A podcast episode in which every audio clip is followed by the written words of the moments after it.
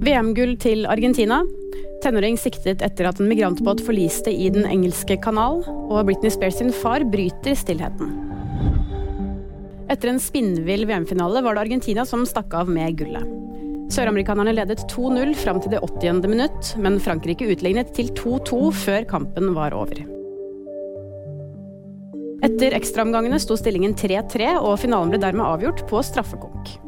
Kampens to store profiler, Messi og Mbappe, skåret to og tre mål før straffene, hvor de også satt hver sin i mål. En tenåring er siktet av britisk politi etter at en båt med migranter forliste og fire personer døde i Den engelske kanal.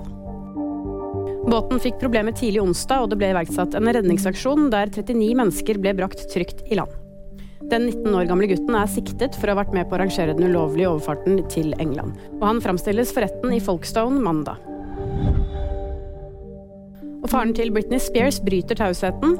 I et intervju med Daily Mail forteller han om sitt syn på det omdiskuterte vergemålet som ble avsluttet av den amerikanske domstolen for drøyt ett år siden. Han sier han hadde rett til å være verge for datteren, som varte i 13 år, spesielt med tanke på popstjernens to sønner. Han beskriver det hele som en helvetes tid, men sier at han elsker datteren av hele sitt hjerte. Og spekulerer så i om Britney Spears ville vært død dersom det ikke hadde vært for vergemålet. Dette er første gang James Spears uttaler seg offentlig på mer enn ti år. Og VG Nyheter fikk du av meg, Kristina Kinne.